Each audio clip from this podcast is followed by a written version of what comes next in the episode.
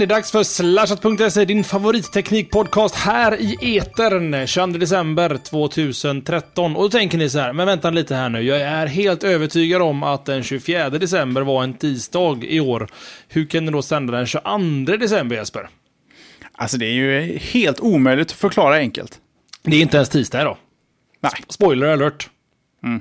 Nej, vi, vi, vi, gav oss själva en break och eh, våra förhållanden en chans att överleva den här julen genom att göra en förinspelning. Vi hade faktiskt tankar på att sända på julafton, men eh, nej, det gick lite bet där. Just det att det, det, var svårt att planera in. Så idag är det tekniskt sett då den söndagen den 22 december, men ni lyssnar på detta från och med tisdagen den 24 december 2013. Välkomna till årets sista ordinarie slashat.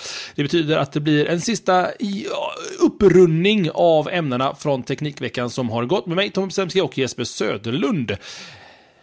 Nu tänkte jag att vi skulle gå in och promota julkalendern lite Jesper, men det är ju meningslöst. Ja, det blir ju väldigt meningslöst om det inte är så. För att om man nu får tag på det här avsnittet tisdag klockan 20.00 som vi hoppas kunna släppa det, då har man eh, upp till fyra timmar på sig att delta i sista luckan. Och då kan man vinna en... Nej, vi vet, men säger ingenting. Det kan vi ju säga nu då. Det får man inte göra. Det är olagligt att... Eh... All right. Nej, då tysta. Mm. Ja, man tar sig till array.se och tar reda på det, så, så tar man reda på det helt enkelt. Det är värt så, besöket, så att säga. Så enkelt är det. Nu tycker jag det är dags för lite ämnen och annat smått och gott som vi ska gå igenom. Epe, har du lite teasing på gång bort hos dig, eller? Ja, absolut. Eh, jag tänkte prata lite om eh, vad telemarketingvärlden eh, tar till för lite nya intressanta högteknologiska grepp. Det har varit lite, lite surr runt det här i USA på sistone. Och jag ska även prata lite om hur äldre mackar eventuellt skulle kunna vara mottagliga för lite hacking, lite läskig hacking till och med. Och så ska vi också prata lite om Samsungs eh, Tizen, deras egna operativsystem. Och, jag, ja. Tyson har jag hört. Tyson, Tizen, ja, jag vet inte. Antagligen Tyson, men jag sa Tizen för att eh, dra på sätet. Mm. Ja, men jag är van. Ja, det får man. Det får man. Ja, det, ja, det är du verkligen. Med sätor. Ja, just det. Precis. Ja. Något mer där? Eh, annat, kanske. Mm -mm. Mm. Miss Miscellaneous eller hur man uttalar det ordet. Eh, jag ska prata om det faktum att en bokrekommendation här på slashat.se kommer att bli en tv-serie. Eh, jag kommer att nästan förmysa lite i det som är årets, eller årets show, eller inte årets show, årsshowen som går av stapeln om en vecka. Eh, jag kommer att prata lite om Googles 2013, för vårt upplägg är ju inte riktigt så. Så jag, får, jag ger mig själv chansen att prata lite om vad Google gjort under året som har gått redan idag. Eh, Nokia har släppt eh, en ny tablet internationellt och har gjort en intressant reklamfilm runt det där. Det ska vi prata lite om också. Sen lite Snapchat, sen lite, ja, alltså Jesper gillar inte när jag leker radiopratare och har en liten knorr på slutet. Men den här årets sista ämne från min sida är en sån här riktig hjärtvärmande historia och en riktig oh shit moment för en individ där ute i världen. Om Jeppe är snäll och inte tjuvkollar på mina show notes så ska vi se vad det är, om inte redan han har koll på vad det är, för detta är alltså nyheter, tekniknyheter från veckan som har gått. Eh, dumt att dra ut på det Jesper, det är årets sista vanliga eller ordinarie slashat. Let's do it. Och jag öppnar, det betyder att du börjar.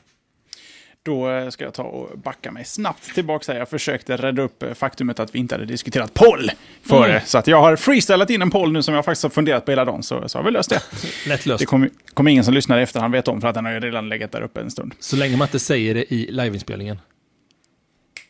Damn it. Så är det. Nästa gång. Mm. Nästa 250 år. avsnitt till bara. Så. Nästa år. Jo, jag ska prata om telemarketing. Det här är en lite lång historia, så häng med nu Tom om du inte har läst, eh, läst in eller lyssnat in dig på vad som har hänt. Jag lyssnar idelt. Ja, det är bra. Avdelningschefen Michael Shearer. Eh, han jobbar på Washington-kontoret för tidningen Time. Han eh, fick ett samtal för inte så länge sedan, det var väl i början av förra veckan, från en eh, ganska så trevlig och charmerande kvinna som eh, ville sälja på honom lite sjukförsäkringar. Du vet Medicaid och sånt där. De är, Helt det är sjukt stort. är det. Ja, det är, det är nästan kan ha en liten special runt det där en vacker dag. Men någon, eh, någon dam försökte helt enkelt sälja på Michael lite försäkringar. Men eh, Michael tyckte någonting lät inte riktigt rätt.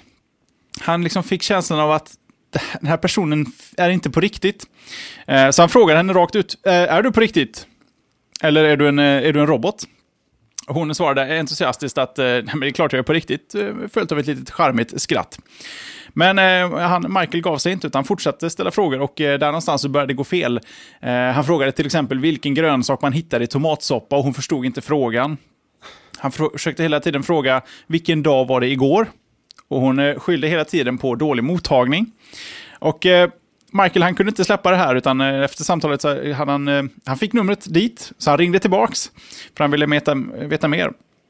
Och fick då ett namn på personen som heter Samantha, Samantha West. Och eh, till slut så blev det liksom tydligt att det här är en robot för alla svaren, eller inte alla svaren, men till slut så hade liksom kom samma svar tillbaka och han hörde liksom att både ton och längdmässigt så var de identiska. Och eh, så som systemet då är uppbyggt eh, var att hennes mål är att ställa sjukförsäkringsrelaterade frågor och sedan automatiskt skicka potentiella kunder till en riktig kundtjänst. Och eh, någonstans här så kände Time att de var nöjda med den här artikeln. Eh, vad är det här för konstig eh, robot-telemarketing-värld vi, vi, lever i? Då fick en kille som heter Alexis på eh, The Atlantic eh, för sig att nej, men det här vill jag gräva lite i, för han, det här är ju inte möjligt. Det, det finns inga robotsystem, det finns ingen röstigenkänningssystem som naturligt eller ens onaturligt kan svara så snabbt på, på samtal. För det finns idag ingen existerande teknik för att, men, för att med naturlig röst skapa en naturlig dialog. Speciellt inte över telefonledningar, för att det är alldeles för dålig ljudkvalitet på, på, på de linjerna. Nuance är ett eh, välkänt företag inom röstigenkänning och de anses vara bäst på det här området just nu och även de säger att det här är inte vår teknik, den, vår teknik kan inte åstadkomma det här. Um, så den enda teorin som finns här från Alexis sida, och han, försökte, han har grävt sig ganska djupt i den här storyn, är att det här är eh, likt um, tänk dig support i Asien, i Indien, för amerikaner när de ringer. Så hamnar de i Indien och så får de en eh, indisk-engelsk person som eh, supportar dem. Här har de asiater som sitter med soundboards inspelade fraser av amerikanska kvinnor som pratar. För man har upptäckt att Visserligen funkar det bra att ringa till en sån här, eh, någon med en annan dialekt än eh, liksom, lokalt språk när man behöver hjälp. Det är inga konstigheter. Men folk som ringer till dig och försöker sälja saker eh, har visat eh, sig ge riktigt, riktigt dåliga resultat. Eh, och man vill helt enkelt ha, det ska låta, i Sverige så ska det låta som en svensk ringer. Det ska inte låta som någon ringer från utlandet till och försöker sälja på någonting. Och eh, det här har de då löst helt enkelt genom ett soundboard. Så det sitter helt enkelt asiater, det här är inte bekräftat, men det, så här, han, han kände sig så pass säker på att det sitter människor där med ett soundboard som allt eftersom du pratar skickar liksom eh, ut eh, repliker på fin, jolly, schysst, eh, lite så medelålders husfru, husfru engelska. Eller något. Det här är ju fantastiskt smart. För att det, alltså, vem har inte lekt med en soundboard, kanske inte som ung, men när internets linda. Typ Homer Simpson, om man ringde till sina kompisar och så Hi, it's Homer! Eller hur han nu Ja, låter. just det. Den där flashfilmen man kunde klicka på kort, upp och ner, vänster och höger. Och satte telefonen mot en högtalare. Liksom. Så att jag, det, alltså, det, det här är ju ganska smart, egentligen, användningsområde. För att allt den här telemarketingpersonen måste förstå är ganska basic engelska. Are you a robot? Ja, det är jag ju inte. Jag är ju en människa, så då svarar jag det enda varit, svaret jag har att eh, ja, det är dålig lina eller någonting. Det här är ju supersmart. Jag gillar det. Om man klickar på en av länkarna i våra show notes så kan man också ta sig till, eh, till uh, Times. Han har spelat in många av de här samtalen så man kan höra hur de låter. Och man hör ju direkt att någonting är fel, men samtidigt så löser den personen som sitter med soundboardet löser det väldigt snyggt, för de har ju spelat in många fraser för att kunna täcka upp eh, det mesta, för att kunna liksom undvika frågor och ta sig vidare, vidare i diskussionen. För tanken här är väl att diskussionen inte ska vara så länge, utan så snabbt som möjligt eh, fastställa, är det här en potentiell kund? Okej, okay, fine, jag skickar vidare till en riktig människa. Ja, det är en filtrering egentligen, att man sållar ut lite. Ja, precis. Skit. Och det här är, det måste ju, ja, en anledning till att man gör så här måste ju vara att det är, det är billigare med arbetskraft i Asien. Men, just nu. Men, men, det är alltid roligt, för när, man, när folk, när inte telemarketing, men säljare ringer hem till en, så hör man direkt om de sitter på någon form av, eh, nu tappar jag ordet för det. No, de har en manus de följer. Uh, dels det, det men, men också det att, um, och, när någon ringer till en som har IP-telefoni, så mm. finns det två stycken grejer som är onaturliga. Ett, så är det knäpptyst, när man är tyst. Mm. från, från personens sida. Det är det inte i vanligt telefonsamtal. Du har alltid något litet ljud bakom. Mm. Och det andra är att det finns en liten, liten, liten latency inom IP-telefoni som gör att man ställer en fråga så tar det någon mikrosekund för lång tid innan de svarar. Så det känns onaturligt i samtalstempot. Och det var det första jag tänkte på när jag hörde den här fejkade tjejen, för jag hade ingen aning om vad det var jag skulle lyssna på. Eh, Och då var det så här att, wow, vänta nu, här är det IP... Nej, okej, ah, okej, det, är en, det är en robot. Eh, Trodde jag faktiskt då. Men det är ju ännu roligare att de har grävt vidare och hittat att det är soundboards. Ja, det är fascinerande. Måste ju vara kul att utveckla ett sånt här system för att man måste ju plocka in ganska många riktiga samtal för att skapa sig en liten en pattern av vad ungefär, vilka frågor ställs det och vilka generella svar måste vi ha för att ta oss ur en knipa. Som till exempel det... Vad kan komma liksom till exempel? Ja, men som till exempel det att eh, jag... Eh, vad var det de... Eh, att oj, jag hörde lite dåligt vad du sa där, men ska vi istället prata om försäkringar? För, för det, det är sån här eh, general, general catch egentligen. Okej, då slänger vi ut den, för att nu safear vi ut lite här. Nej, jag, jag är Ja, fascinerad precis. Jesper. Det här är mänsklig in, in, smarthet från något vänster. Mänsklig smarthet, det är bra. Ja, det är, det är den smartheten som vi har här på Slashat. Vidare. Ta oss. Ta oss. Jag berättade ju om en bok för bara några veckor sedan som heter eh, Hatching Twitter, som är skriven av Nick Bilton. Eh, och det är onekligen en bästsäljande bok. Det var faktiskt så roligt. Nick hävdar bestämt på Twitter, tror jag det var, att han inte hade någon aning om när Twitters börsintroduktion skulle ske när han skrev boken. Men det föreföll sig så finfint att han släppte boken två dagar innan Twitter börsintroducerades. Vilket vissa tror kanske till och med kunde ha påverkat den här kursen positivt då. Eh, boken Hashing Twitter, jag rekommenderar boken för lite drygt ja, två, tre, tre och en halv vecka sedan kanske. Tre avsnitt sen kan vi säga. Eh, och då hade jag läst halva boken, nu har jag läst hela boken och det är en, en det är säkert en liten ehm, social network över den här också, att det, det är nog inte exakt. Han hävdar bestämt att han, för ingen av Twitter-ägarna vill ju prata med den här personen, Nick Bolton, eh, när han skrev boken, utan han har ju pratat med alla andra runt omkring och, och försökt skapa sig historien. Så den är inte hundraprocentig säkerligen, men den sägs enligt han själv i alla fall som har skrivit boken vara så nära sanningen som möjligt. Och det är faktiskt en väldigt väldigt spännande eh, bok ut ur, alltså är du själv en liten hobbyentreprenör eller har levt i den här branschen och världen sedan Twitter kom till världen så, så är det en intressant bok att lyssna på för att jag tror att det ger en ganska intressant, in, intressant insyn in i eh, Silicon Valley. Och det är sån här klassisk grej att lite som när man ser innan jag hade varit i New York så för, Vänta nu, jag ska omformulera mig. Efter att jag var i New York så är det roligare att se en film som utspelar sig i New York. För att man kan på något sätt greppa att ja, men det är Staten Island och det där är ju det och där och där och där och där och där. Där stod jag på hörnet. Ja men du vet, man, man får ändå en, en, en lokal kunskap om området, eller om stället som filmen utspelar sig på. Och det, det blir ju samma sak när man lyssnar eller läser en bok. Eh, eller lyssnar på, typ Audible. Eh, att, att du kan liksom föreställa dig Eh, hela branschen när du hör dem prata om en 98 och, eller 2008 och 2009. Vad man själv gjorde då och hade kanske lite samma nästan idéer med någon typ av system. Och, äh, men det, det är otroligt fascinerande bok att lyssna på. Och det här tyckte förmodligen flera då. Så det är nämligen så att Bilton kommer att vara med och skriva manus och fungera som en tv-serieproducent tillsammans med Alison Sheramur som bland annat ligger bakom filmen Hunger Games. Det ska alltså bli en tv-serie av den här boken. Alltså tv-serie om Twitters historia helt enkelt. Det är anonyma källor som uppger detta och eh, flera tv-bolag ska tydligen vara intresserade av att eh, de, blir de producenter då, TV, eller filmbolagen här Jesper? Eller tv-bolagen? Eller blir de, blir de publicist? De, jag vet inte vad de blir riktigt. Ja, de är intresserade av att göra Inblandade. någonting. Ja, inblandade. Ehm, Eh, Eh, det var, och eh, både Paramount, eller Paramount till exempel, men det var Lionsgate som drog, drog det längsta strået i slutändan och kommer då att vara en del av den här produktionen.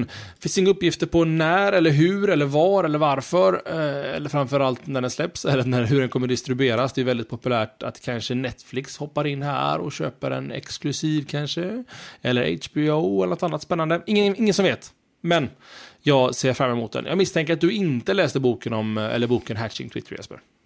Nej, men eh, det skulle man ju kunna göra. Jag ligger bara jag är sjukt efter eh, med, med andra böcker. Jag har problem med den här prenumerationsmodellen på böcker. Att, eh, Det är ju fantastiskt. Ja, jag, jo, det, det, är jättebra, men jag hinner, inte, jag hinner inte läsa dem i tempot som jag får credits. För, för att, för, för grejen är ju faktiskt att det det, eh, du, ja just det, du kan spara max sex stycken credits va? Alltså ett halvårs med icke lästa böcker. Ja, fast nu använder jag inte Audible, så att nu vet jag inte alls vad som gäller. Okay. Jag kör svenska, eh, vad heter de, Storytel. Just det, just det, just det.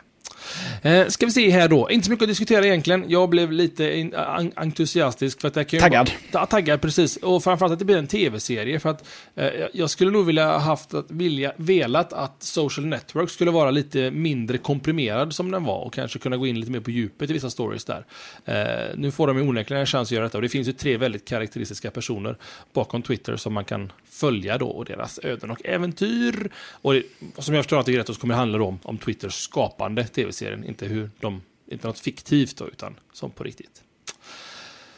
Så mm. tycker jag att vi pratar färdigt om Twitter för idag. Nu är det Jesper igen. Ja, då ska jag prata om att forskare på John Hopkins University, eh, forskare som har säkerhet som sitt stora kall i livet. De har lyckats demonstrera en ny metod för hur man kan tvinga på iSight-kameror i um, gamla iMacs och eh, Macbooks. Utan att tända den lilla gröna lampan som ni kanske känner till vid sidan där uppe. Den, eh, den är ett tydligt tecken på att kameran är på eller av. Eh, Apple designade just den här funktionen medvetet att så fort kameran är på så tänds lampan. De sitter alltså rent hårdvarumässigt ihopkopplade för att ingen av dem ska kunna vara på utan att den andra också är på som ett sätt för att du som användare ska känna dig säker på att är kameran av eller på. Och det har ju funkat bra så här långt eh, tills de här jävlarna på John Hopkins hittar en litet eh, ett sätt att ta sig runt det här. Och vad är det då de har gjort? Jo, de har eh, egentligen programmerat om controllerkortet för kameran eh, och fått kameran att ignorera eh, signaler från systemet om att den ska befinna sig i standby-läge. Men den berör bara kameran och inte lampan. Så lampan tror att den är i, att, Lampan får information om att den ska vara i standby. Kameran får det inte, vilket betyder att kameran är aktiv. Problemet här är också att um, man behöver inte ha administrationsrättigheter för att köra in det här hacket. Du behöver inte ens ha fysisk tillgång, utan du kan uh, ordna det här över nätet om du bara tar dig tillräckligt in i datorn. Resultatet blir naturligtvis att uh, kameran är, kan skicka data utan att du vet om att den är igång och fungerar. Vilket kan uh, te sig lite läskigt. Som tur är så är det bara iMacs och Macbooks fram till 2008 som är drabbade än så länge. De lär väl gräva vidare i det här. Är det nu så att man sitter på en eh, Mac av eh, lite äldre snitt så finns det två saker att göra. Där den ena är inte kanske så mycket ett alternativ som den andra. Det ena alternativet är att man kör med Mountain Lions. Om man kör Mountain Lion, det är det du måste köra. Ehm, så måste du ha Gatekeeper på för att blockera ocertifierade program och eh, se till att de inte får tillgång till USB-interfacet. Det andra alternativet är att eh, gräva sig ner i OS 10s eh, kernel och eh, där se till att eh, neka väldigt specifika instruktioner som eh, skickas till och från kameran helt och hållet. Känns som ett lite mer eh, hands-on och lite mer lite högre nivå på det hacket och det, det, finns egentligen ingen snabb enkel lösning på det där utan de här eh, forskarna på John Hopkins har bara eh, plockat fram någon sorts proof of concept-variant eh, på hur man skulle kunna göra det. Så eh, ja, vi kan väl säga att det är dags att uppgradera sin dator om den inte har eh, sin Mac om man inte uppdaterar sedan 2008. Jag tänkte ju säga det, det finns väl ingen i Mac-världen som är kvar på en dator från 2008? Det låter ju, det låter ju helt osannolikt. Ja, det ska jag säga aldrig. 2008ans Macbook, den är i metall, den, ehm, den finns det nog många där ute som rullar fortfarande. Men om vi bara ignorerar det här faktumet, för att som, som nyhet så är inte det Ja, det är ju gamla datorer. Hade det här varit även dagens datorer så hade det varit lite mer eh, ljud i skällan. Men den där kameran som alltid sitter längst upp på saker och ting, Tommy. Jag gör ju så att, jag, nu tänkte jag faktiskt göra det. Nej, men jag, jag lyfter ju upp min kamera. Som jag har framför mig. Eh, och det gör jag, jag vet inte varför Just det, jag gör jag får det. Alltid, jag får alltid se ditt tak varje gång vi sätter oss för att spela in slashat. Jag kan inte, nu har jag i och för sig en kamera i det hörnet där borta som alltid filmar mig. Eh, laptopkameran. Jag vet inte varför. Två frågor dyker upp. Mm? En, vem är du rädd för? Eller två, vad är det du gör? Nej, men det, det, hand, det handlar nog mer om att... Eh, jag, jag kan, det, det, det, är intressant, för det här, det här faller ju väldigt väl in under ämnet. Jag kan inte förklara varför jag gör det. Det har väl bara att göra att det känns, det känns nog mer psykologiskt konstigt att, att ha en kamera tittandes på en. För det är ju en ganska, den är ju så här stor, eller vad ska man säga, så stor ungefär kameran. Mm. Så den, den är väldigt mycket in my face när jag sitter och jobbar. Den lilla kameran där skiter jag i som sitter på min Macbook Pro bredvid här. Det är just den som tittar på mig på något sätt. Det är nog mer psykologiskt. Det, det finns nog ingen som vill se mig dygnet runt eh, framför datorn. Eh, du känner dig övervakad ja, men, av den, den, stora kameran, men den lilla tänker du inte på. Så men den, så, den, sitter ju i skärmen, så jag ser ju inte den. Den är ju så liten, alltså den är ju dold, om du förstår vad jag menar. Att, ja, men den, den kan, ju, kan, ju, rent eh, tekniskt vara lika komprometterande för vad du sitter och visar i, i bild, så att säga. Ja, ja, för behöver. Men det handlar ju inte om det, utan det, det är mer en psykologisk känsla av att någonting filmar mig. Uh, har snarare med det att göra. Det finns säkert okay. någon psykolog där ute som säger att ja, men det där är ju det där, det där, det där syndromet. Ja, men exakt det är det. det mm. Hjärnan tror att den övervakar det, ifall den inte är det. Och är den det så, hej hej. Det känns som att jag filmas två, tre timmar varje tisdag. Det får räcka för internet. Var det inte snack om att eh, Kinecten som satt i vardagsrummet skulle filma av vad du hade för prylar i vardagsrummet för att kunna ännu bättre mm, hitta relevant reklam till dig via Outlook och grejer? Jag tror, jag tror att någon te teoriserade fram att man kan, eller skulle kunna använda det som marknadsföringsmodell. Ja. Men det är inget som Microsoft kommer göra. Men visst, det är också någonting som... Nu står det ballerina på vardagsrumsbordet igen. ja. Nu skickar vi en eh, 20% voucher. Nej, för det, det intressanta är ju med Kinecten, för att Xboxen är ju egentligen, eller Xbox One är alltid igång här hemma i hemmet. Och, och så fort jag kommer in i rummet så identifierar ju den mig och loggar in mig i Xboxen. Eh, och det ännu roligare är att jag har, jag har skapat ett, så, hos Microsoft heter det Child Account, för min dotter som är två och ett halvt. Så att jag har registrerat en Hotmail-adress i hennes namn och definierat att detta är ett barn. Så så fort hon kommer in i rummet så måste jag slå in en kod för att starta spel som är barnförbjudna. Det är ju snyggt. Ja, den ser att ett barn är i rummet, så nu ska inte du spela de här spelen såvida inte du manuellt overridar. Ju... Så om man är ung och kan, har bra sifferminne så kan man få spela blodiga spel? Ja, det är ganska enkelt. Du trycker uppåt, neråt, vänster eller höger på, på en fjär, kontrollen. Eh, men eh, det, det, är ett snyggt system. fast det är också någonting som, som hela tiden faktiskt filmar mig. Det, eh, det, fast det stör mig inte lika mycket. Det är den, här, den är så nära mig, den är en sån här bit ifrån. Den är, den är in my face, Jesper. Det är en sån HAL 9000 eh, som stirrade i ögonen. Rätt in bara. Ska, ja. ja, där har vi det. Jag sa ju det att jag skulle prata lite om, eh, jag ska inte rounduppa Googles år, men IDG har gjort en ganska intressant lista från Googles 2013. Jag tänkte lite bluntly sno den, men jag har gett lite cred i alla fall till IDG.se för att de gjorde listan. De har gått igenom åtta stycken av Googles, eh, eh, vad ska man kalla det för, fullträffar och snedträffar genom året som har gått. Jag tänkte mm. inte prata så mycket om vad jag tycker om varje produkt, utan bara, jag blev fascinerad själv när jag läste den, för det har hänt så mycket på ett år med Google. Saker som man, man, man tenderar att glömma av saker. Visste du till exempel att de, att de köpte, eh, förlåt mig, att de, att de la ner, vänta nu här. Nu är en liten tjej ledsen, hör du det Jesper? Ja. Åh, inte lägga sig. Nära till jul nu, men ändå så långt bort. Ja, vi pratade om att vi ställa ut gröt till tomten idag, det var, det var väldigt spännande. Men det är först imorgon. mm. eh, nej, eh, till exempel Chromecast kom i år. Det, är också en, ja, det, det var ganska nyligen i och för sig. De köpte Waze i våras. I höstas. Just våras. det. Det är också Med all bilreklamen där. Mm. Och, och, det är också någonting som faktiskt har tittat in nu även i Google Maps. Så använder de Waze för, eh, för data. Hur det funkar. Alltså att de har tagit in eh, vad heter det? olyckor och sånt och eh, stopp på vägen. Syns nu i Google Maps så det kommer från Waze den datan. Nice. Det är nog en stund kvar innan man ser polispositioner i Google Maps. Jag tycker det är lite fascinerande att ett företag äger att ett företag äger två helt eh, det, separata navigationstjänster där den ena plockar data från den andra. Ja.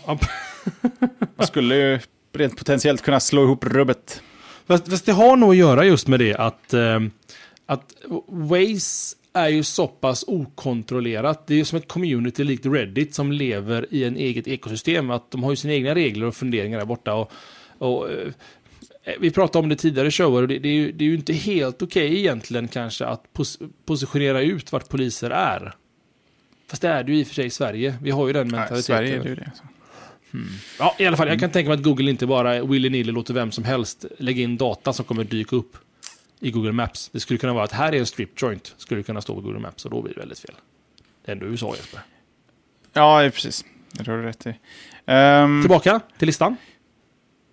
Ja, precis. Har du några positiva delar också? Nej, alla är väl positiva. Waze var ett bra köp. Chromebook ja, right. Pixel släpptes. Okej, okay, nu är vi nere på... den blev ju väldigt bortglömd va? Ja, alltså som IDG skriver att de har inte sålt några större upplagor, men det satte ändå en standard Nej. för andra DOT-tillverkare som satt, gjorde egna Chromebooks med Chrome OS. Så att även om det inte är en kommersiell succé så har det ändå brett en väg för andra tillverkare börjar släppa Chrome OS laptops. Eh, vilket just nu inte är någon storsäljare. Det är ju ingen Macbook Air jämförelsevis. Men den har börjat etablera sig på marknaden i alla fall. Bra eller dåligt, det är upp till gemene man. Sen är det nog ingen dator för dig, Jesper, och nog inte för mig heller, egentligen. Nej, det är, jag tror det är en dator för väldigt få. I, eh, ska vi se här, när var det? I juli stängde de ner Google Reader. Ja, just det. Det, var mycket, det gick inte att missa. Nej, det var mycket debacle där. Frågan är egentligen om huruvida det faktiskt var ett bra eller dåligt beslut. Eh, jag glömde berätta det i Slashat, men jag var ju nere i Paris där på Zencon. Eh, och eh, då var det en, en developer advocate från Google som var där. En tjej som höll en genomgång om att köra POP-kod i App Engine. Bla, bla, bla, bla. Poängen var i alla fall att hon skulle visa en demo-app för oss, vad man skulle kunna göra. Och då sa hon så här att, så då valde jag att koda en nyhetsläsare. För tydligen så finns det en liten lucka i den marknaden på senare tid. Hmm. Och det är en Google-anställd som säger det. Så det var lite roligt, fick hon lite skratt och applåder. för att vara lite självkritisk. Men det, personligen så var väl det inte en klockren nedläggning i mina ögon. Eh, Fast du tror ju inte på RSS i och för sig, att det inte är framtidens format. Ingen verkar använda RSS när jag... Jag är den enda som använder, använder RSS, verkar det som. Säg så här, jag tycker formatet är fantastiskt och distributionssättet är underbart. Men däremot så, så har jag... Eh, att få data pushad till mig i den mängden som en RSS gör, det, det gör det bara oöverskådligt för mig, upplever jag, i en RSS-läsare. Men är inte det verktygets problem och inte formatets problem? Fast det, blir det inte lite... Eh, formatets problem eller säg så här, appliceringen av formatet. Eh, fortfarande, ingenting emot RSS som eh, format och struktur egentligen. Utan snarare så att tanken med RSS för många webbsajter var ju att man, man pushar ut alla sina artiklar via RSS. Eh, så folk får dem till sig eh, istället mm. för att man söker upp datan. Och I teorin är det jättebra, men väldigt snabbt upplevde jag när jag körde Google Reader att jag alltid hade tusen olästa items. För att jag mm. sitter inte dygnet runt och läser nyheter, utan jag hellre gillar jag sajter som Digg eller som Reddit eller många av mina egna projekt. Eh, just bara att jag går in, för nu är jag intresserad av vad, vad var aktuellt under veckan som har gått till exempel. Och det var de här nyheterna. Men då har jag läst de nyheterna. Det var det jag var intresserad av. Eh, så att, att, få allt till mig är ointressant egentligen. Jag vill egentligen bara få det mest intressanta levererat till mig. If you feel me. Ja, ja okej. Okay. Men jag tänkte att man skulle kunna bygga en webbtjänst eller något program som på något sätt kan lära sig vilka, alltså baserat på ditt beteende. Nu vet jag att eh, visst, en RSS-feed, ska inte fastna här för länge, men en RSS-feed är ju liksom statisk. Det enda sättet du kan påverka den är att välja en annan RSS-feed eller en, en, liksom en förändrare. Jag menar, du kanske går in på en hemsida eh, som skriver nyheter och så går du in i deras, säg Apple-kategori och så plockar du den RSS-feeden. Då har du egentligen gjort ett manuellt filtrering av RSS-feed. Men RSS-feeden kommer i sig inte ändras, utan då måste det hända på klientsidan. Och det kanske där det behövs lite mer intelligens. Mycket möjligt så. Eh, det är en dataström egentligen med bara massa information. Men nu Jeppe, nu går vi vidare. Nu får vi inte sista showen här på året. Nu får vi skärpa oss. Ja. Eh, ska vi se, la ner Google Reader i juli. Eh, de släppte Moto X som faktiskt blev otippat nog ganska mycket kritikerberöm på den enheten. Det finns fortfarande inte i Sverige. tyvärr, de har också gjort några riktiga fadäser. De har lyckats fucka upp egentligen hela kommenteringssystemet på YouTube. Uh, vilket kanske var i behov... Det har jag missat. Alltså, har, du måste ha ett Google Plus-konto nu för att kunna kommentera på YouTube. Jaha, ja ja. Och det, det, det, det, tog emot med en kall hand. Så det är faktiskt på en namninsamling på change.org har fått in över 225 000 underskrifter. Där de vill ha tillbaka det tidigare kommenteringssystemet. Jag är ingen stor YouTube-användare, men det finns nog ingen YouTube-video i hela världen där inte Adolf Hitler nämns. I kommentarerna. För att, det, alltså, har, du, har du läst YouTube-kommentarer någon gång Jesper? Ja, det, det, är ett, det är ett mörkt hål ibland. Det, det går väldigt snabbt från en kommentar till hundratusen där man pratar om Alltså, allt från hur man ska våldta varandras föräldrar till, det är ju helt fruktansvärt egentligen vad, vad folk skriver där. Det, för det har ju att göra med anonymiteten. Du är ju egentligen, eller du var absolut anonym med ett YouTube-konto egentligen. Mm. Eh, och det vill inte Google sätta stopp för då, så de slängde in Google+. Jag... Också lite anonymt sådär, det är ingen som vet att du finns. Sista och eh, sist men inte minst då, eh, det är att faktiskt Google strömmar in lite goda annonser eh, in under, eh, under flikarna.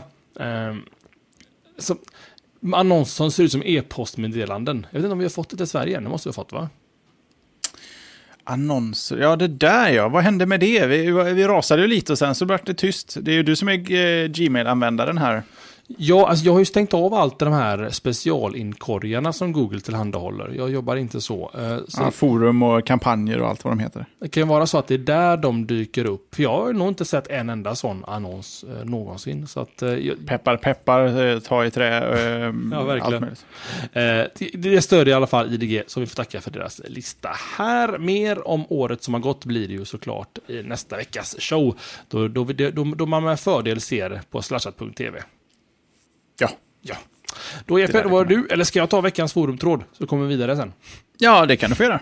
Veckans forumtråd, nu pratar jag långt ifrån kameran här för jag skulle nysa, nysa samtidigt. Eh, det använder en Abel i vårt eminenta forum på forum.slashat.se som vill sätta upp en enklare webbshop. Han testar just nu PrestaShop, men är öppen för förslag eh, samt gärna tips på webbhotell och som kan hosta rubbet. Det är inte MagnusJonasson.com den här veckan som har valt ut den här topicen. Han har semester, utan det är Jesper Söderlund som har valt topicen. Så hur tänkte du här Jesper? Jag tänkte som så att eh, webbshop, eh, det är ju eh, lite i tiden så att säga. Det öppnar ju alla nu för tiden. Och det finns ju väldigt mycket plattformar där ute och jag tycker att PrestaShop är en sån där som brukar dyka upp. Ehm, och ofta är det så att många webbhotell också erbjuder någon egen variant eller open source-varianter med en sån one-click installer om man inte har allt för stora krav. Sen finns det natur naturligtvis dyra lösningar, stora lösningar, billiga lösningar, stora lösningar. Ehm, det har redan nämnts lite varianter här. Magento säkert va? Magento är en sån klassiker som du kan köra själv. Men eh, enklare webbshop kanske den inte går under, utan den är en extremt kraftfull webbshop, men gratis. Och, eh, eh, jag tror att det finns mycket att tipsa om här. Tyvärr har jag inte så fasligt mycket mer eh, erfarenhet än, än någon annan på det här med webbplattformar. Så hjälp Abel, forum.slashat.se, in i, eh, ska vi se, ska vi se, ska vi se, allmänt övrigt har han lagt den. Mm -hmm. Nästan han borde vara under mjukvara va? Hårdvara, mjukvara, allmänt. Ja, men jag, jag kan tänka mig att... Eh, nej, jag orkar inte flytta den. Allmänt övrigt. Vi är snälla i år. Ja. All right, Jeppe, ta oss vidare. Då ska vi ta och prata om eh, Tizen. Eller Tyson. Tyson. Eller Tizen. Eller Tizen. Tizen OS, i alla fall. Förlåt. Samsung. Eh, Samsung har ju aldrig riktigt försökt eh, dölja det där faktumet att de eh, vill sticka ut på gott och på ont. De eh, vill ju vara unika och nu perfekt tillfälle för mig att pusha lite för sån shameless self-promotion. Jag testade ju Galaxy Gear, Samsungs eh, smartwatch. kan ni hitta på array.se, ska jag säga. Se till så att en länk finns i show notesen. Eh, Samsung vill sticka ut och en av de här sakerna som jag tyckte var ett problem med just eh, Gearen, för övrigt tyckte jag om den, men en sak var ju att den bara fungerar med, eh, med Samsung-lurar och eh, ett fåtal Samsung-lurar dessutom. Men det, jag tycker det tyder ändå på att Samsung vill Eh, liksom sticka ut från mängden. De vill ha någonting som gör att de vill knyta en kund till sig själva. Och att de har ett operativsystem på G, det har de ju redan eh, pratat om tidigare. Men nu börjar det då bli dags att faktiskt visa någonting. Och de har nu bjudit in press till ett litet eh, evenemang. Nu snackas det väl i och för sig mest Galaxy S5. På, på, på, närmaste sikt här. Men i februari så ska de då under ett event presentera en hel lineup med produkter som då kör på deras egna Tizen eller Tyson OS. Och eh, Samsung, de är ju väldigt stora just nu och ska man då ge sig på ett eget OS så bör det väl vara nu man ska prova. Sen behöver inte det betyda att det blir en eh, succé.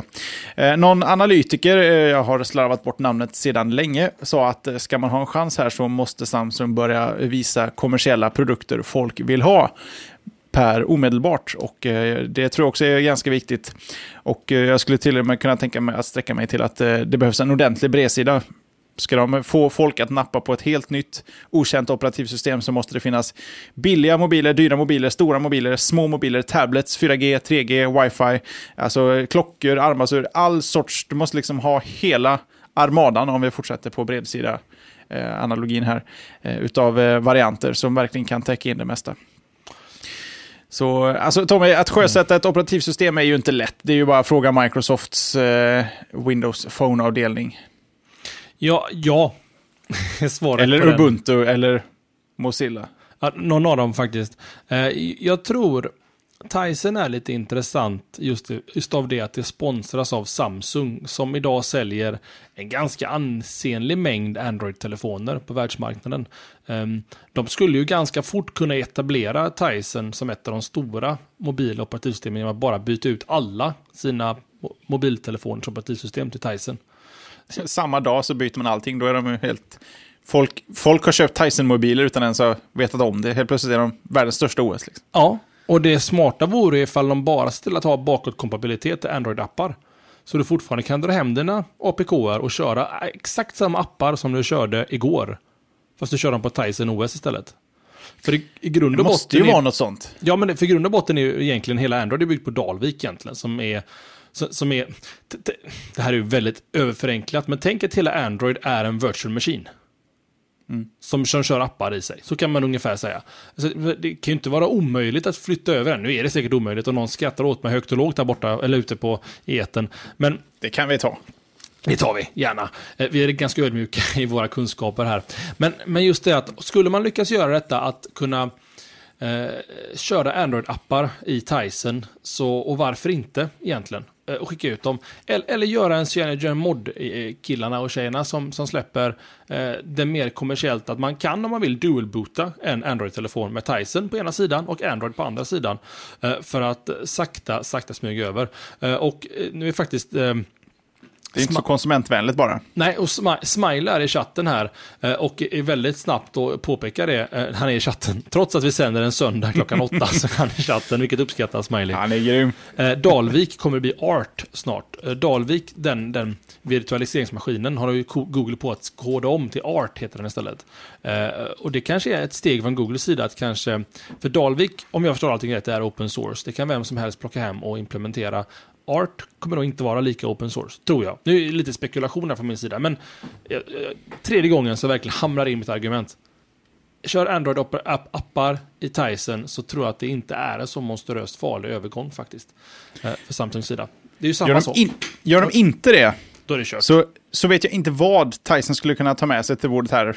Som gör att du tycker det är värt att lämna en extremt stor eh, Store till att börja med bakom sig. Det, det skulle väl vara i sådana fall att... ja, det, det, Nästa revolution. det skulle vara kul att se siffror på hur mycket pengar Microsoft har betalt utvecklare för att portera sina appar över till eh, Windows Phone. För att ingen gör ju det, för att det finns ju ingen marknad riktigt där än. Så det, det, ju, Samsung har det i och för sig eh, rätt förspänt just nu. De skulle kunna köpa sig, köpa sig appar. ja, det, det, det är som vanligt då. Det är Instagram, det är Twitter, det är Foursquare, det är de här standard webb Facebook, Ebay och så, Ja. Skype och så vidare. Ja, men precis. precis. Så att, eh, äh, roligt så här, vi har knappt pratat om Tyson innan i showen, nämnt det vid några shower, men jag tror att vi kommer prata mycket, mycket mer om det framöver. 2014 kan jag möjligtvis vara, så precis som du säger, att jag kommer hålla ett event, kan det kanske bli Year of the Tyson. Personligen så vill jag inte ha fler operativsystem nu, mobila. Tre är lagom, kan jag tycka. Nej, det är alltid kul med lite konkurrens, och jag gillar underdogs, men här vet jag inte. Ska vi se? Du, eh, Ja, ta oss vidare. det tycker jag vi gör. Nu ska du få en riktig kortis här. Eh, Vi pratade om mobiltelefoner. Nokia har ju släppt den nya, eller sin första eh, platta, eller padda. Eller platta får vi säga, det har inte med padda att göra allt detta. Den heter Nok- Nokia Lumia 2520 eh, och skall, eller är företagets första platta som släpps med Windows RT. Den finns dock inte tillgänglig i Sverige, men det är inte det vi kommer att prata om. Det är inte plattan som sådan som är intressant, utan det är ett förhållandevis galet, som Ray.se skriver, tilltag när det gäller reklamfilm. Ehm, eh, det, det, jag, jag, jag vet inte, att jag ska, ni- egentligen borde ni bara skutta över till YouTube eller klicka på våra länken i shownotesen och bara titta igenom den här reklamfilmen, eh, för att den är eh, speciell. Den, den, den, den grundar sig i valmöjlighet egentligen. Att det, man är en kille hos en frisör och han har väldigt kort hår och han vill ha långt hår så, så, frisören klipper långt hår på personen. Ni hör ju själva att det inte, det är alltid, ibland så skojar jag till med frisörer så säger jag så här, ja det är helt okej men jag skulle vilja ha det lite längre här bak, säger jag då. När frisören är klar. Det är ju svårt. Mm, att ja, lösa. just det. Ja, men det är lite frisörhumor från Göteborg. Välkomna. Ehm, och, eh, ja, och reklamfilmen eh, är runt det då. Det, den är creepy Jesper. Det är den här, man får den här lite konstiga känslan i magen som att någon försöker döda en när man ser den videon. Och det, det, den är inte... Den har några schyssta punchar mot slutet, för han, för, han, för han får en mallet. Det här är ingen spoiler, det här är reklamfilm. Så han, han får en mallet då, det vet vad det är, det är hockeyfrilla egentligen. Och man brukar säga business in the front, party in the back på en mallet. Och då säger han eh, ready for business. Och så säger frisören and ready for party. Så att, eh, och det är, det är egentligen det, är det som Microsoft, det är deras kundsegment egentligen, det är ju företagskunderna. Så att eh, reklamfilmen är ju bra ut för att vara reklamfilm. Men det är en sån här reklamfilm som man egentligen inte riktigt vill se på. Fast å tredje sidan, vi sitter och pratar om det i Sveriges största teknikpodcast, så att den har gjort någonting Jesper. Nej, det är ju så. Eh, jag tycker den är, alltså, jag tror jag skickade länken till slashat-gruppen vi har på Hangout och frågade om ni mådde lite för bra. Här kan ni alltid ta och kika på så mår ni lite sämre. Eh, för den är ju lite så, man blir lite... Uh, Den är mest jobbig så alldeles för lång och sådär. Men eh, den är klockren som reklam, för det, det, får ju folk att snacka om den här ja. tableten. För övrigt, som är ruskigt snygg, vill jag påstå. Den är i rött, hade jag gärna tagit. Jag, jag är bara fascinerad över hur reklambyråer lyckas sälja in sånt här, för det är en liten gamble att sälja in något sånt här till ett bolag. Så här, det, här, det kommer se lite creepy, lite konstigt ut, folk kommer undra vad fan är det för någonting. Men det kommer vara värt liksom, för uppmärksamheten. Väl, och att folk faktiskt, liksom, ja vi kör på det. Det är väl lite som eh, Mediamarks nya reklamkampanj, som tydligen är stoppstyrd, läste jag någons Twitter.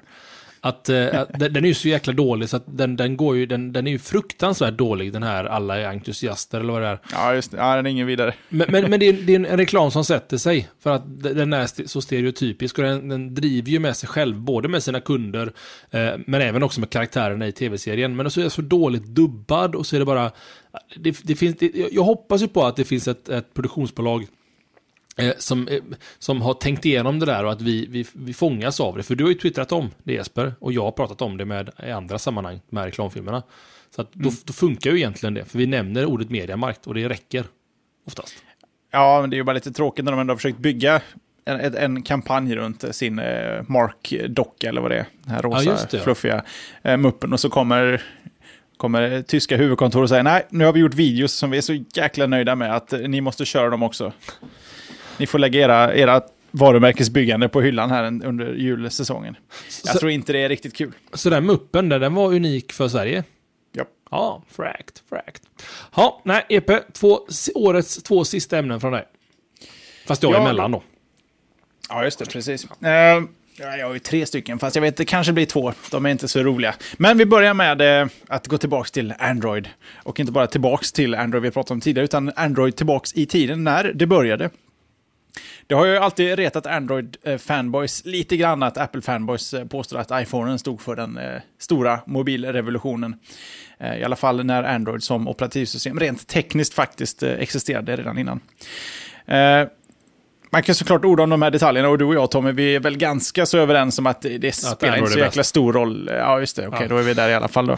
Jag tänkte att vi alla better off idag än vi var för eh, sex år sedan, oavsett vilken plattform man har valt. Det här har till och med gjort till och med Windows bättre. Så att så all, alla är vinnare just nu ändå, hur man än vill eh, se på det hela. Det, det, finns en stor fördel i att ha två stora och en lite mindre operativsystem att välja mellan. Det, det, blir ingen massdominans från en sida som du nämnde med Windows, utan det finns en balans i det hela, vilket är skitviktigt. Medhåll, medhåll. Ja. Men, Men nu har det trillat ut lite, lite information här. Det är Chris DeSalvo, en av de första som arbetade på Android tillsammans med Andy Rubin. Han har eh, pratat lite och han har eh, låtit meddela att eh, när väl iPhonen presenterades så tvingades alla i Android-teamet att inse att det skulle behöva börja om från början. De hade ju redan då när iPhonen presenterades 2007 jobbat på Android i två års tid. Och eh, eh, det här var Googles stora satsning. Det var där, deras vision om hur ett mobilt operativsystem skulle se ut i framtiden. Tyvärr så, eh, så var det inte, det såg inte ut som det ser ut idag.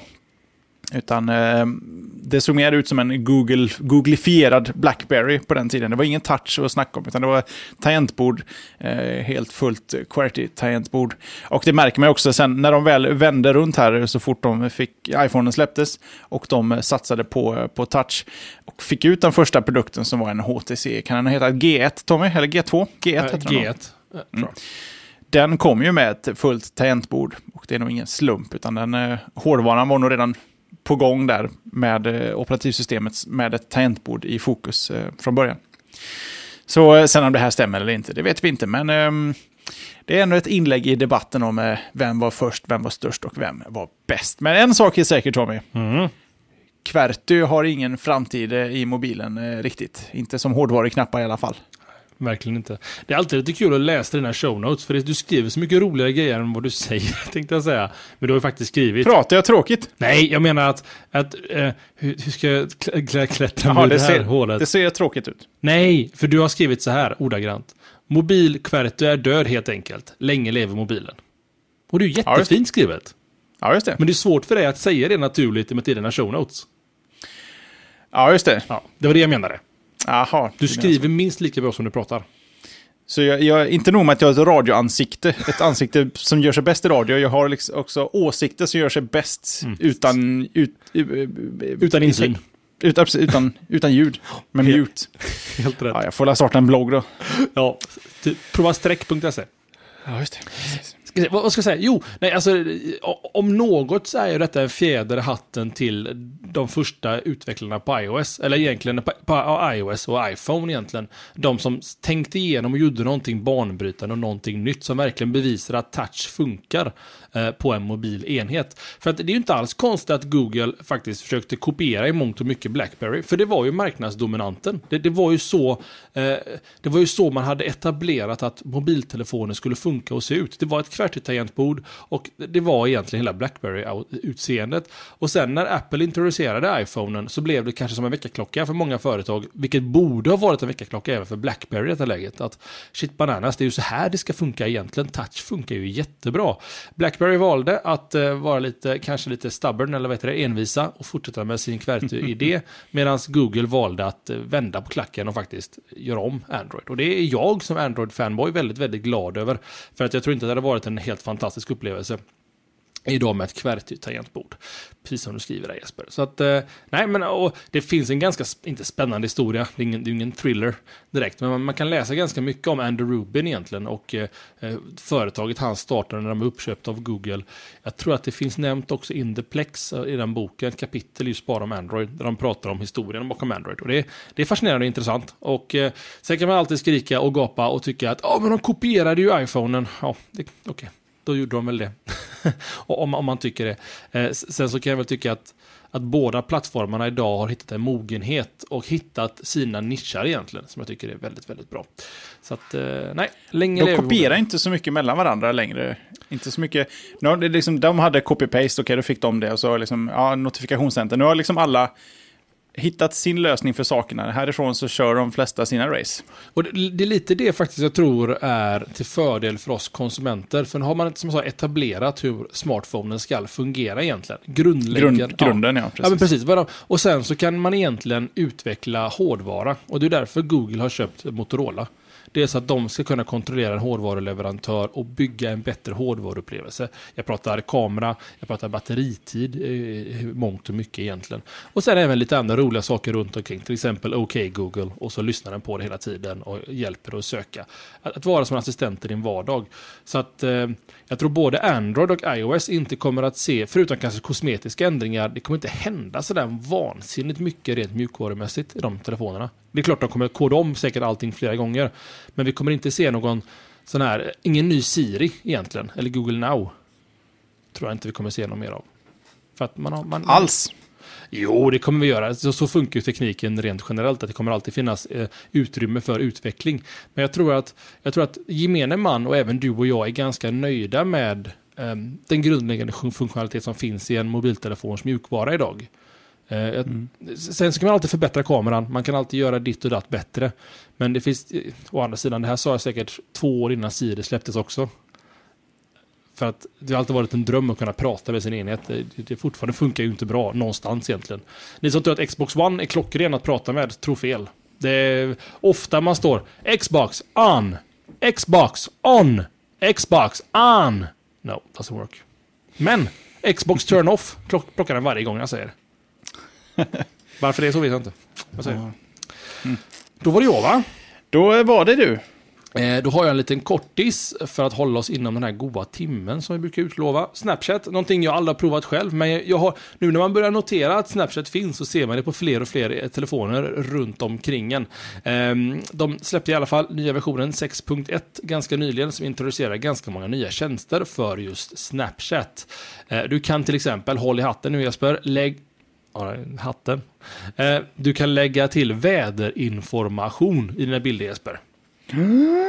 Men, men framför... Så din regniga bild kommer det stå att uh, weather rain. Ja, exakt. Stating the obvious. Eh, Men kanske ändå viktigare då, och det är visuella filter. Likt Instagram och även Facebook har väl också filter idag. Att du kan göra. Eh, Sen också, lite av grundfunktionaliteten som jag har förstått det med Snapchat är att kunna skicka bilder på ditt könsorgan till dina vänner. Och, Ja. ja. det är väldigt viktigt. Det vill man gärna göra. Eh, Nej, men man vill ju ändå ha möjligheten Ja, exakt. att kunna Problemet, göra det under säkra former. jag måste ju ha ju sån vidvinkel Jesper, för att få plats med hela i en bild. Så det går ju inte för min del. Det är därför de gjorde iPhonen 3,5 till 4 tum, så att hela din får plats nu. Ja, exakt. Det var precis så de tänkte. Model by Tommy.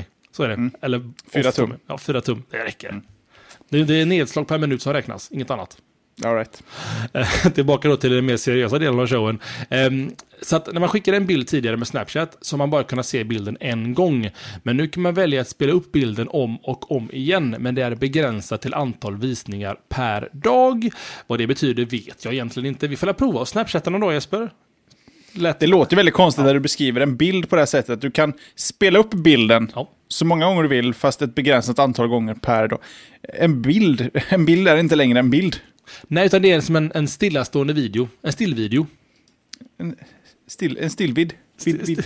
Där har du ett produktnamn. Eh, Du kan också ta selfies i mörker och välja upp till sju av dina kontakter som bästa vänner. Eh, Skriver de på array.se. Så nu vet ni det, ni Snapchat-fanboys och fangirls. Keep on rocking. Coolt. Ja, fett. Som ungdomarna säger. Eller säger man fett längre? Jag säger det till mina kusinbarn och sånt där och de förstår inte vad jag menar när jag säger fett. Ja, har vi blivit gamla nu? Man tyckte man var så jävla cool. Va- vad, är en synonym, vad är en synonym för någonting som är bra? I, i ungdomsspråk då. Ni får gärna mejla in på slashat, slashat.se så vi hänger med. Är, är, det, är det credit? Vi har kanske? aldrig låtit äldre när vi Nej. ber folk ge oss. Ungdomslingon. Jag måste ju lära mig att kunna kommunicera med Linn sen när hon växer upp, min dotter. Lingo. Hej! Det finns säkert någon app med, med senaste slang. Ja, annars så gör vi en. Ja. Yes, Jeppe, det är din tur. Ja, då ska jag bara klämma in en sån veckans don't. För finns det en sak som jag känner att jag behöver ta upp här så är det inget, det är inget riktigt ämne egentligen. Det handlar helt och, helt, helt och hållet om att eh, Samsung funderar på att eh, göra dumheter. De har ju i och med sin Galaxy Note 3 och sin Galaxy Note 10.1 introducerat en sorts eh, ja, formgjuten plast kan man säga, som ser ut som någon sorts läderyta Eh, med någon sorts stygn. Allting gjutet i en bit eh, plast. Eh, det ser oerhört billigt ut, både visuellt och när man tafsar på det. Nu överväger Samsung att lägga det här fina materialet på sina notebooks också. Lite mer specifikt är det deras ActiveBook 9-linje. Och det är ju, den testade jag för Array för en tid sedan. Den, har ju, den är gjord i metall, normalt sett. De funderar alltså på att byta ut metall mot vit formgjuten plast av fejkläder med fejkstygn. Don't. Ja, det, det finns en annan lösning, det är ju att använda läder. Ja, just det. Och Ja. stygn. Ja, Men det kanske blir lite tacky. Och då kanske man ska börja fundera på hur tacky är plastgjuten kopia av tacky. nu, nu vill ju jag lägga in något schysst skämt här om, eh, eh, inte anroformism, vad heter det? Eh, Skeuomorfism. Och iOS. Fast den har jag ju alltid varit emot, så Ja, att, eh, sant. jag, jag kommer undan här, men Google, eller Apple kommer inte undan. Nej, det gör de verkligen inte. Eh, Du, du finns on record flera, flera gånger berättat ditt eh, hat gentemot skeuomorfism. Så att du, du kommer undan. Yes. Runt detta. Men det, det, det är en bra årets sista don't från vår sida egentligen. Don't. Och årets första don't, det kanske blir något som Ja. återkommer. I december. Och en Varje år. veckans do och veckans don't. Här kanske vi har en... Eh, Hmm. Någonting man eh, gillar, någonting man inte Ja, det är ingen dum det. Vi, vi spånar vidare på det. Suger på den till nästa år. Amen. Eh, mitt sista ämne är för året faktiskt. Eh, och nu vill jag ändå understryka att vi sänder nästa vecka i vanlig ordning en eh, årsshow. Men mitt sista ämne för året är en riktig feelgoodare. Eh, nu tror jag att du- ska berätta för dig så att du inte vet vad det är. Du kanske redan har läst det, för det har ju en ganska stor nyhet för bara några dagar sedan detta. Men Reddit. Det vet alla vad det är. Man, eh, man kan lägga upp bilder och eh, länkar och annat smått och gott där. Det är som ett community. Eh, och de har ett världens största och de är med i Guinness rekordbok för detta. Det är Secret Santa. När jag och Jeppe körde Trans.nu så hade vi även vi Secret Santas. Och det är att alla i forumet, de som vill vara med, skriver att jag vill vara med att vara en Secret Santa. Eh, du kan vara under pseudonym, man vet egentligen inte någonting om personen eh, som är Secret Santa. Allt man får till sig av en administratör då, eller någon som arrangerar allting, man får en adress. Och då står det att den här personen ska du skicka en julklapp till. Eh, och i och med att det är ett, som ett stort, stort nätverk då så kommer ju du få en julklapp av någon annan Secret Santa som helt är, är eh, slumpmässigt utvald för dig. Det finns ingen logik. Du kan få någon som bor i Japan lika som du kan få någon som bor i Borås. Det finns ingen logik egentligen hur man lägger upp det här. En väldigt, väldigt kul och i stor del community-driven grej som har funnits på ganska många sajter. Men den är ju eh, Guinness rekordbok stor på Reddit. Eh, Jeppe, du kanske kan ta fram en siffra på hur många som deltog i årets Secret Santa på reddit.com. Um, yes, en tjej som heter Rachel fick ett, eh, ja, ganska, ganska o... Vad ska man säga? Man säg så här, vanligtvis så kan man få kanske lite smink eller lite choklad från någon belgare, som jag har fått. Man ska, kanske får eh, eh, en rolig leksak från Japan. Ni vet, det, det handlar om ganska små summor egentligen. Eller, eller någonting som är genomtänkt. Jag tror man får reda på eh, om det är könet och åldern på den du ska skicka till. Tror jag. Har du siffran där Jesper? För du ser lite lurig ut. 121 890 Secret Santas. Det är otroligt bra, det där faktiskt. En tiondels miljon personer. Det är fyra, tre gånger så många som året innan. Ja, men det, det, det, årets Secret Santa fick väldigt mycket uppmärksamhet också på Reddit. Eh, årets upplaga av Reddit Secret Santa fick mycket uppmärksamhet i amerikansk media för övrigt. Mm. Av olika anledningar. För att det här är en kul grej då. Eh, den här Rachel i alla fall, hon fick ett paket från någon som hette Bill. Bill var någonting bara. Eh, och i paketet så låg det en, en kossa. En, en, en plysdjurskossa. Och då tyckte hon att ja men det var ju, var ju gulligt men kanske ja, en plyskossa för, kossa för 15 dollar. Det, ja, det var ju gulligt. Tills hon insåg då att den här kossan symboliserar en donation på 500 dollar till eh, Heifer International, som är en organisation som kämpar mot fattigdom och hunger i världen. Och den här donationen då var gjord i hennes namn. Att hon hade köpt kossan då, fast det var ju hennes Secret Santa som hade köpt den här kossan.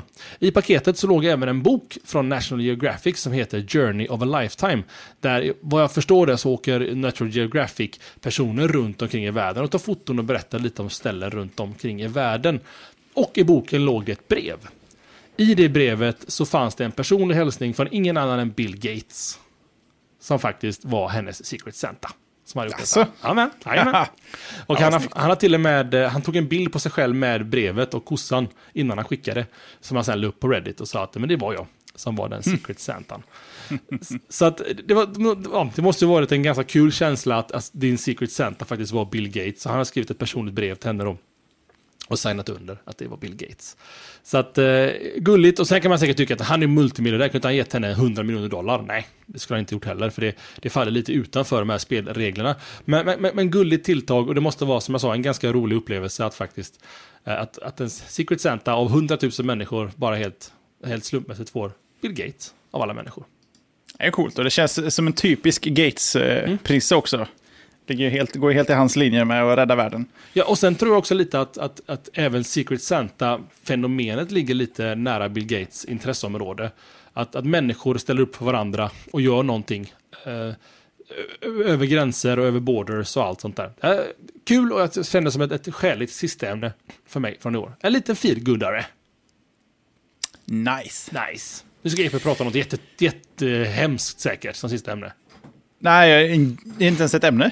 Jag är klar. Jag ska bara ja. snabbt flika in att eh, för er som saknar Winamp efter dess bortgång så har Spotify släppt en Winamp. Va? En Spotiamp. Spotiamp.com. Vilket gör att du i ett Winamp-gränssnitt kan spela upp Spotify-playlists, spela upp Spotify-låtar, söka. Du får helt enkelt en Spotify i Winamp-skrud. Eh, Hmm. Enda downer är att det finns bara för Windows. Och, och, och ingen support utlovas heller. Och kan man säga. Spotterlamp is not officially supported by Spotify. Står det längst ner där på sidan. Uh, Made by Ludde in Gothenburg. Uh, längst ner. Är du säker på det? Spotterlamp Spotty, Spotty Amp blir det. It's not an official. Officially supported product. Ja, det är sant. Men roligt ändå. Ja, fantastiskt Ja, roligt. för det, var, det, var, det var via Spotify jag hörde om den, så att eh, de har i alla fall endorsat den på något vis. Ja, men det är klart. Det är, det är klart de gör. Det, det, är, jätte, det är jättegulligt gjort faktiskt. Och det är roligt från Ludde i Götelaborg. Det är klart det ska vara göteborgare som gör en sån grej, Jesper. Ja, en göteborgare hade inkluderat en Mac-version också. Ja, förmodligen. Förmodligen. Vem vet. Mm. Någonstans, Nej. det känns lite vemodigt här nu att det är slut. Året, Ja, men alltså... programmet. Ja, men, att, men det, det, det känns som vi håller på att tacka av oss själva, vilket vi gör för det här året. Eh, vi kan väl säga att säsong 2013 är slut. Ja, just det. Ja. Den är ju. Eh, och man gör ju såklart rätt i att till nästa vecka. Eller ska man inte vara riktigt petig så är väl faktiskt sist, nästa vecka sista avsnittet i säsongen. Det är ju faktiskt fortfarande 2013 då. Det har du helt rätt i. Det är faktiskt det. Även fall den släpps bara klämtande timmar innan det blir 2014. Det blir intressant att se hur många lyssningar och views vi har på årsshowen innan midnatt. Det, det, Om det finns någon som avbryter nu. Lite sådär som det var när Robinson kom till svenska tv-apparater. Sluta förfesta, paus, stopp, vi måste kolla Robinson så fortsätter vi sen. det var faktiskt... Det är den effekten vi vill åt med ett årsavsnitt. Det, det säger också ganska mycket om eh, penetrationen av Robinson i svensk tv-historia egentligen. Hur, hur stort det var på många sätt. Eh, vi har varit stora i år många, många olika sätt. Eller säg så här, teknikvärlden har varit stor i år. Och som vi har sagt flera gånger, vi, vi gillar att upprepa oss här, eh, det är att nästa vecka då så blir det en förinspelat eh, årsshow. Där, och det ni som är nyfikna och kanske är lite nya till familjen här, vad är en årsshow i slashat sammanhang? Jo, Gå till slashat.tv, sök på årsshow, så får ni se tidigare tre års eh, versioner av årsshowen. Låt oss säga att vi, vi, vi bygger på kategorier och sen så eh, berättar vi vad vi tycker om kanske bästa produkten i år. Kanske med en kategori. Kategorierna brukar vi hålla lite hemliga. För det är inte alltid sa, å, sa, samma kategorier varje år, så det, det kan vara kul med lite under. eh. Men det har med teknik att göra naturligtvis. Det blir ju inte bästa Burberry-klänning har vi inte med i år faktiskt. Nej, inte i år. Nej, inte i år. Kanske nästa år. Får vi se. Mm. Eh, Men innan vi säger hej då för den här veckan och önskar alla en god jul så ska vi prata om pollar. Jesper. Mm, är det inte trav på julafton? Är det juldagen? Hur tänker du då? Mm. Nej, pollar. Jag, jag missade Oj! travet i, i lördags. Här. Oj, Eh, oj, pollar. oj. Ja, jag vet, a lång. Ja, förlåt. Jag är, jag är... Eller snarare badly received kan vi säga. Sen läser du fel. Förra veckans pool har jag skrivit. det är trevligt. Pool. L- liten, liten fun tidbit. Finns en, en, eh, någon som har forskat lite i, eller forskat är verkligen att ta i, som har eh, provat sig fram vad som är bäst för koncentrerat arbete, Jesper.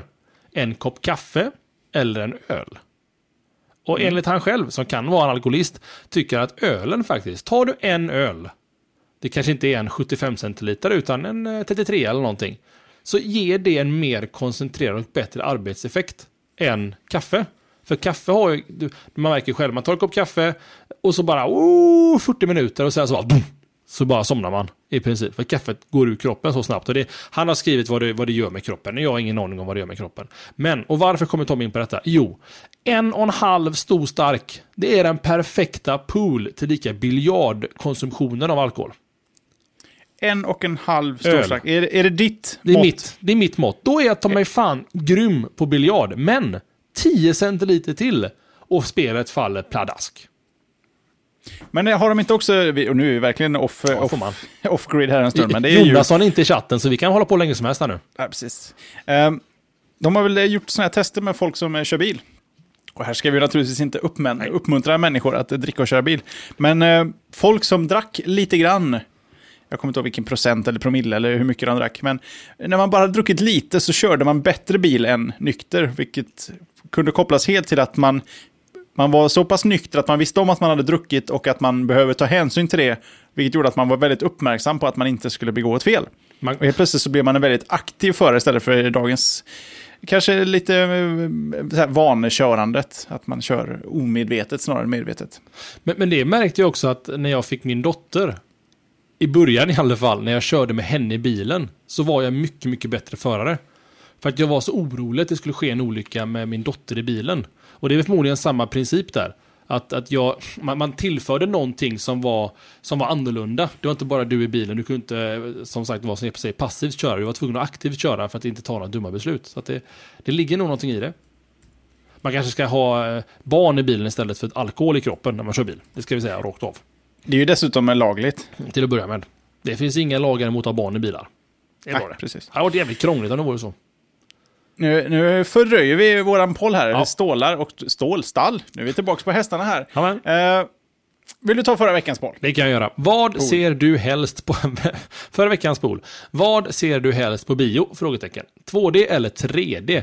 Där är faktiskt vinnaren 2D med våldsamma 68% och 123 röster.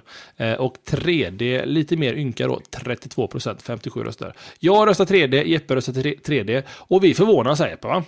Ja, Jag Jag att gör 3D det. var den stora räddaren för bio. jag, jag försöker fundera på om det kanske är så att folk, om man har glasögon, nej du har ju glasögon och Ja. linser, är, är, utgör det ett problem Nej, för inte 3D? början. Ja, det är för att jag får ta på mig linserna och gå på bio. Det är inte svårare än så. Ja, men alla som har glasögon kanske inte kör linser, om det skulle kunna vara ett problem, till exempel. Du sätter ju Eller glasögon att man blir, på. eller att man blir, får huvudvärk, man blir eh, yr, mår illa, har man ju hört om folk som blir, men inte 68% mot 32%, sån... Eh, eh, Men jag Ja, jag, jag vet faktiskt inte varför. Jag, jag, jag, enda anledningen till att gå och se på bio, för mig, jag har liksom ett enda krav, eller två krav nu då. Att Det är en det, ska film. liksom vara, det måste vara, jag vill inte ha saker på stor duk om det inte är värt det, utan det måste vara någonting som är mäktigt, någonting som man inte kan... En romantisk komedi, det du kan ju liksom gå ut och, på, på restaurangen, titta på bordet längre bort så ser du en romantisk eh, händelse. Du behöver liksom inte... Det är inte en rymdmiljö som du inte kan se någon annanstans så att säga. Sånt tycker jag gör sig bra på storduk och jag vill göra den så, så djup som möjligt. Å andra sidan, 3D kanske inte är bra nog. Folk använder inte 3D eh, som Avatar när de jobbar med 3D på djupet istället för alla andra filmer som jobbar med 3D på... eh, på Mot dig. Ja. mot dig, eh, liksom, precis. Det ska liksom petas och stickas och eh, pilar ska flyga så nära dig som möjligt. Sånt där. Medan den filmen jobbade mer på andra hållet. Det kanske är det som är... För där har jag lite svårt för 3D, folk som måste peta mig i nyllet hela tiden. Då vill jag hellre ha djupet. Kan det vara så att man, man, man ser 2D som standard? Det kanske man inte gör i sig. Vi kanske ser 3D. Jag, jag kan inte detta. Men säg så här, 2D har varit normen för bio under så många år.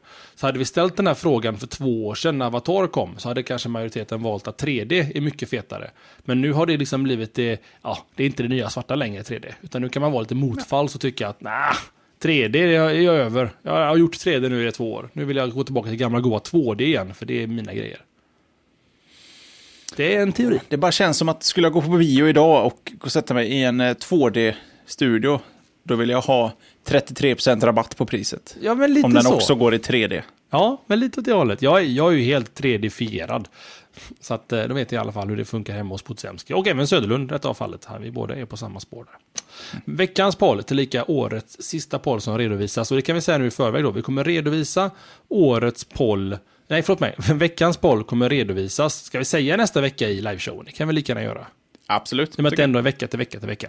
Så Känns också som en passande poll att svara på. att, mycket, kanske var så du tänkte när du skrev den. Vad skrev du Ja. Jesper? Jag skrev, var 2013 ett bra teknikår?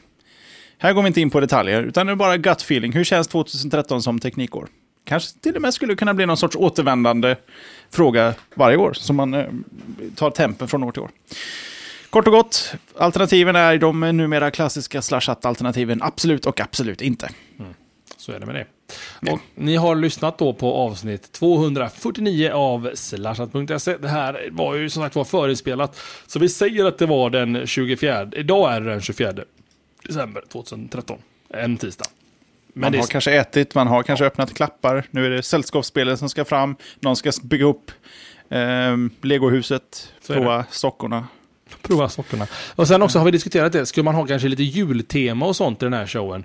Eh, vilket det kanske redan har varit i mångt och mycket. Eh, men vi sa också det att vi, vi skippar det för att det, det, är fin, det är ju egentligen bara fyra timmar på tisdagskvällen som det är aktuellt med jultema. Sen är alla så jävla trötta på jul när de lyssnar på detta. Så vi, vi hoppar över det i år. Det blir så konstigt där när det tisdagar är på just julafton. Så ni får leva med det. Och eh, årsshowen släpps då på nyårsafton. Och vi har väl sagt det Jeppe, att den kan nog titta ut lite tidigare än åtta va? Det kan den När absolut du göra. har nyktrat till. man Nej, nej, det kan vi inte säga, säga för du, du har ju inte ens kommit igång när du släpper den. Nej, ja, det beror ju på när vi börjar så att Ja, säga. Men eh, under nyårsdagen, eh, eller nyårsafton, Ska vi nog se till att få ut den. Twitter, Facebook och Google Plus är goda vänner om ni vill hitta det. Ni hittar mer sådana grejer runt eh, slashat på slashat.se social. Eh, och som vanligt då, all överbliven lön som ni har sparat ihop det här året skickar ni in på slashat.se donera som tack för året som har varit. Nästa vecka, som sagt var, årsshow med... Not, not asking. Telling. Telling, ja gud ja. Det är ingen donation längre, det är mandatory fee. Eh, nästa vecka så blir det jag, Tommy, Jesper Söderlund, det blir även Magnus Jonasson och Johan Kottkrig Larsson. The Band. Kanske även en liten eh, surprise-gäst. Just det ja, just det ja. Vi har faktiskt eventuellt en ölfetcher det här året som kan titta in i kameran fram och tillbaka. Det vet man inte, Mm. får se hur vi lägger upp detta. Yes. Nog om det Epe, nu tar vi jul på detta. Nu tar vi jul. Ha det bra allihopa! God jul! Ja, god jul!